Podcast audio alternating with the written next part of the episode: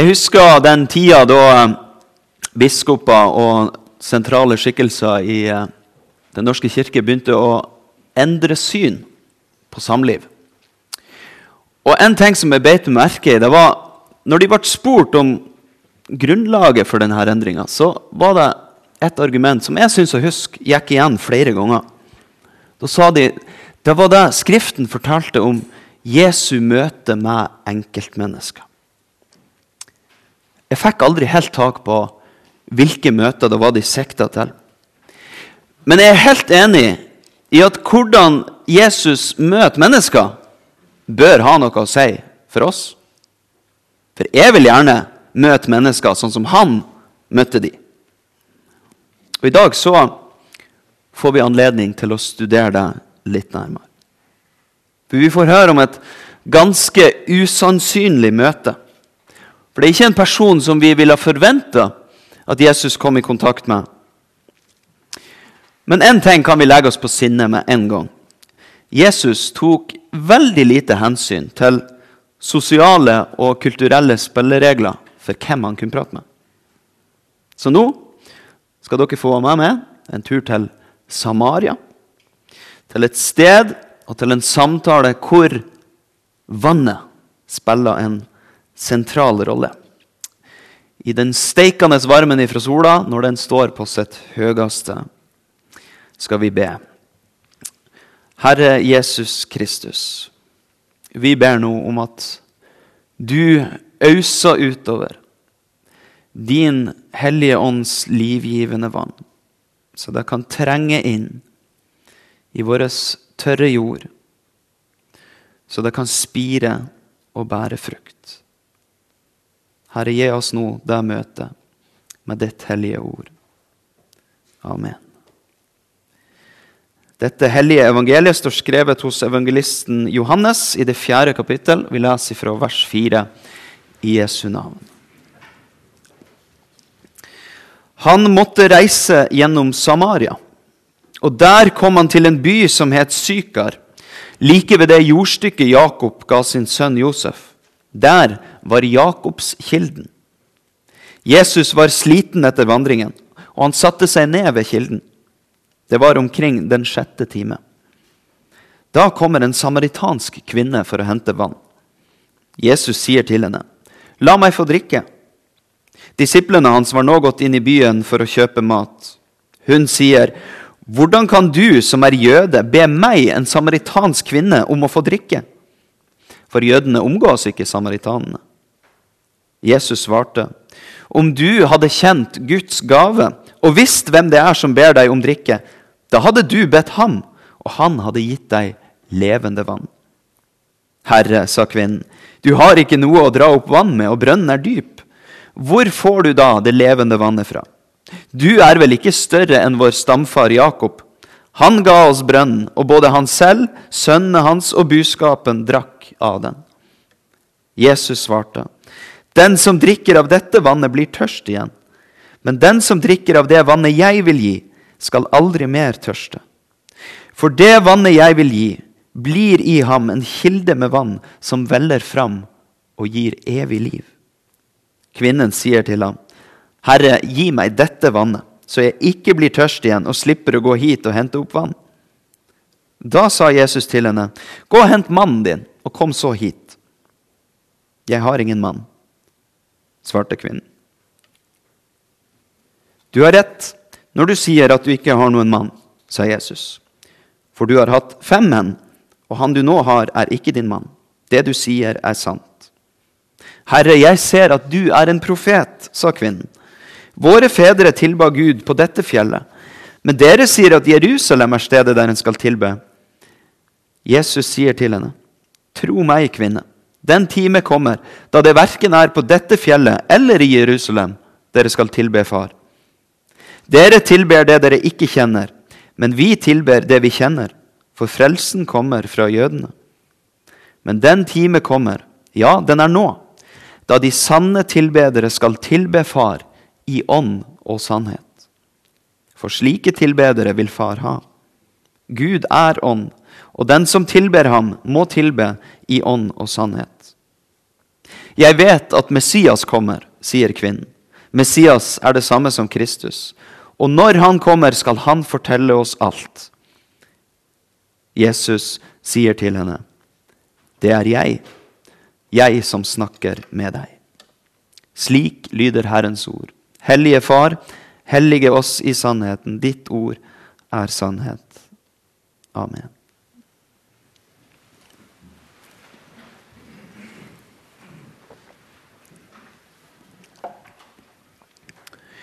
Det er interessant at Johannes åpna med å fortelle oss at eh, Jesus måtte dra gjennom Samaria.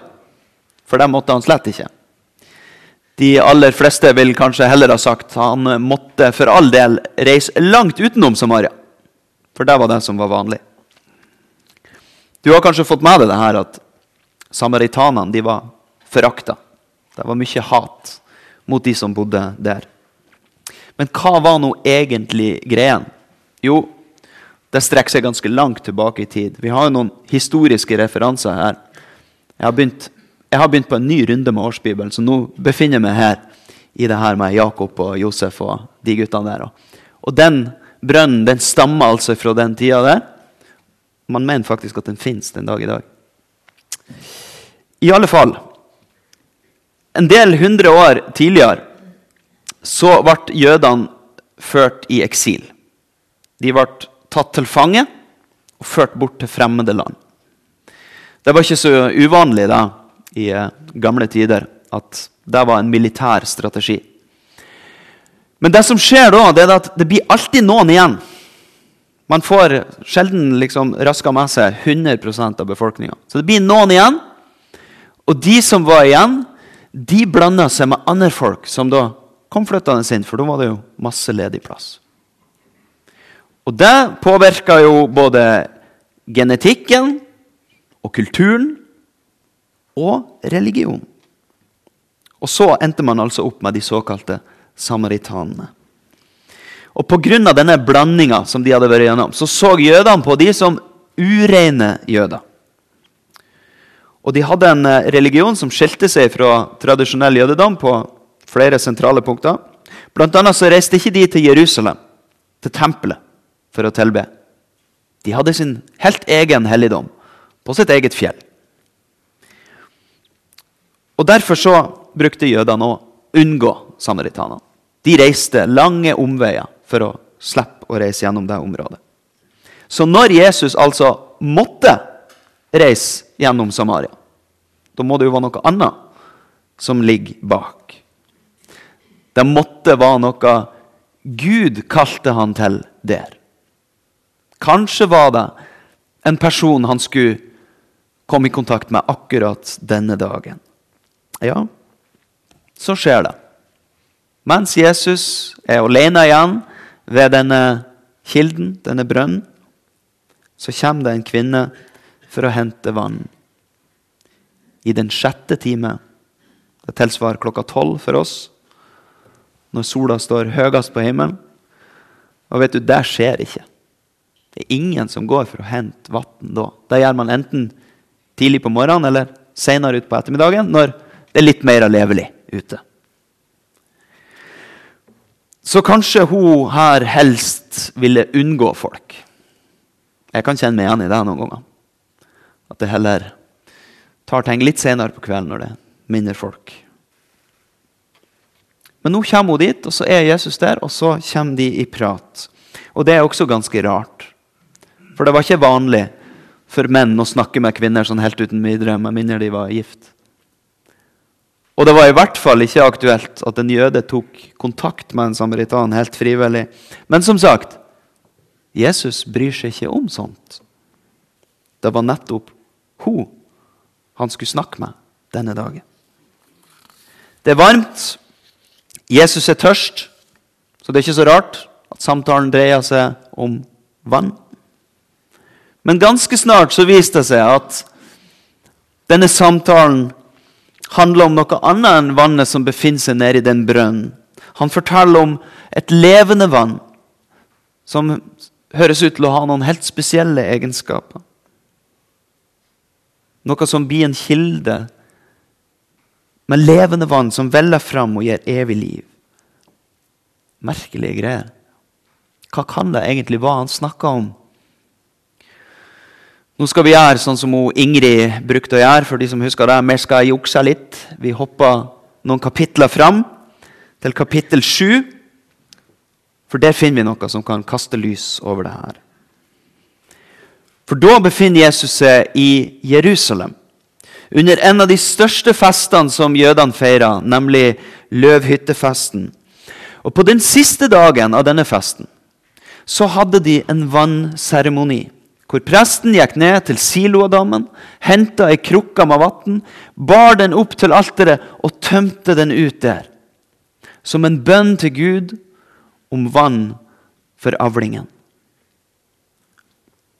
For uh, uten regn så blir det jo ingen avling. Og uten avling så står det jo ikke til liv, bokstavelig talt. Så det at vann er selve kilden til liv, det er jo helt sentralt her. Og så akkurat på denne dagen, akkurat under denne festen, når den når sitt høydepunkt, så roper Jesus ut Den som tørster, skal komme til meg og drikke. Den som tror på meg, fra hans indre skal det, som Skriften sier, renne elver av levende vann. Det levende vannet dreier seg ikke om ritualene i tempelet. Det dreier seg ikke om hva som foregår oppe på fjellet Garisim, men det dreier seg om en person.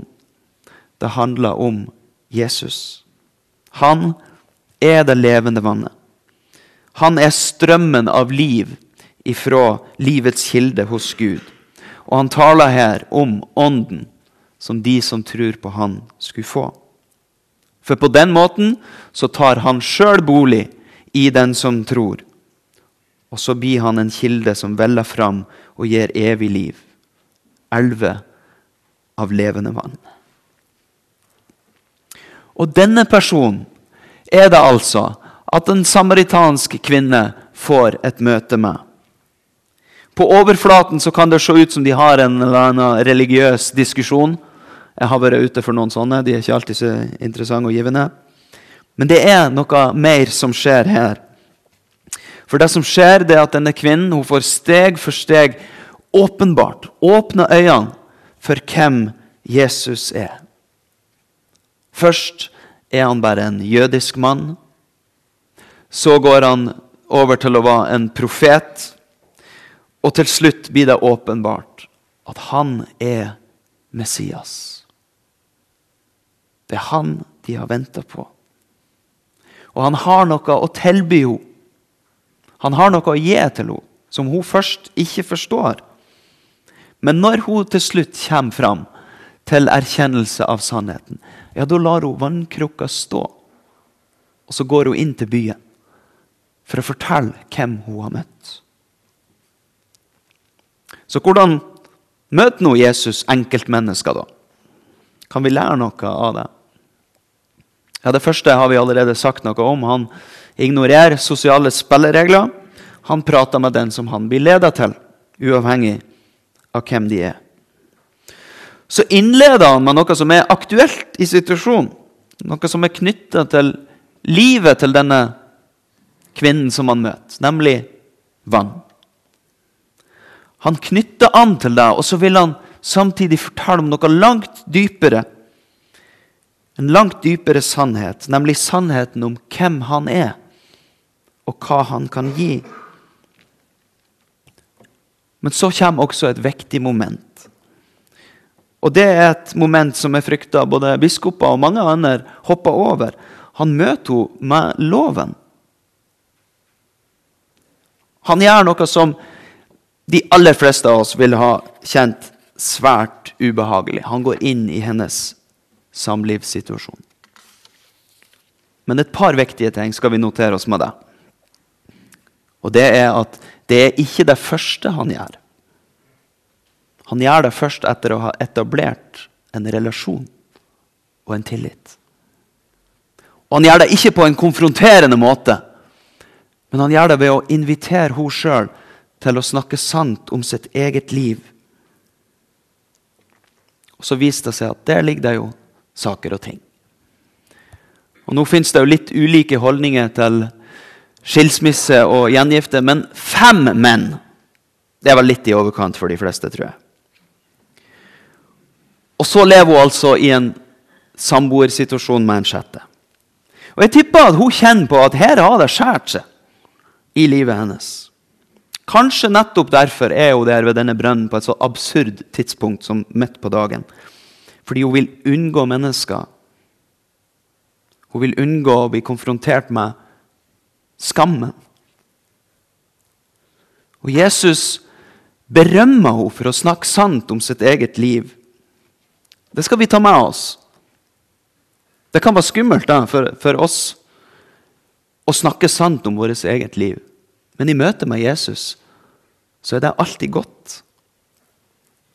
For da er hun klar for å ta imot sannheten om hvem han er, og hva han kan gjøre. Og så må vi huske at dette er en ganske sånn kompakt framstilling. Når vi møter mennesker, så kan dette her være en prosess som tar lang tid. Og det er det verdt når vi ser vår neste med Jesu blikk. For han kan bryte ned steinhjertene, sånn at vannet veller fram ifra klippen. Og hva med dere? Er dere tørst? Da har du i så fall kommet til rett sted. For dette er stedet for nye sjanser. Stedet for å la tørre sjeler få motta vann som gir liv. For tenk deg nå om det var sånn at vi fikk én sjanse. Bare én sjanse til å fikse alt på egen hånd. Ja, denne kvinnen her hun hadde blåst sin sjanse. Nå var det bare bare å gjøre det beste ut av et liv som hadde smuldra opp mellom fingrene på henne. Og gå og hente vann midt på dagen. Men så får hun møte en som kan snu opp ned på hele situasjonen. På all håpløshet. Og så får hun vite noe radikalt. For det er ganske radikalt. At det er ikke på dette fjellet, det er ikke i tempelet i Jerusalem man trenger å tilbe Far det er i ånd og sannhet. For Jesus, hvem er han? Jo, han er sannheten. Det er han som åpner veien til far for oss ved sitt offer på korset. Nå har vi tilgang til Faderens trone ved hans navn. Og så gir han oss sin ånd, sånn at vår tro ikke bare blir ytre ritualer, men et liv innenfra. Og hva er det Ånden gjør i oss? Hva slags prosjekt har han gående i oss? Jo, han gjør loven levende, sånn at vi sørger over våre synder. Enda viktigere driv oss til Jesus. Ånden gjør at vi roper 'Kom!' Og da kommer Jesus. Han hører når vi roper i vår nød.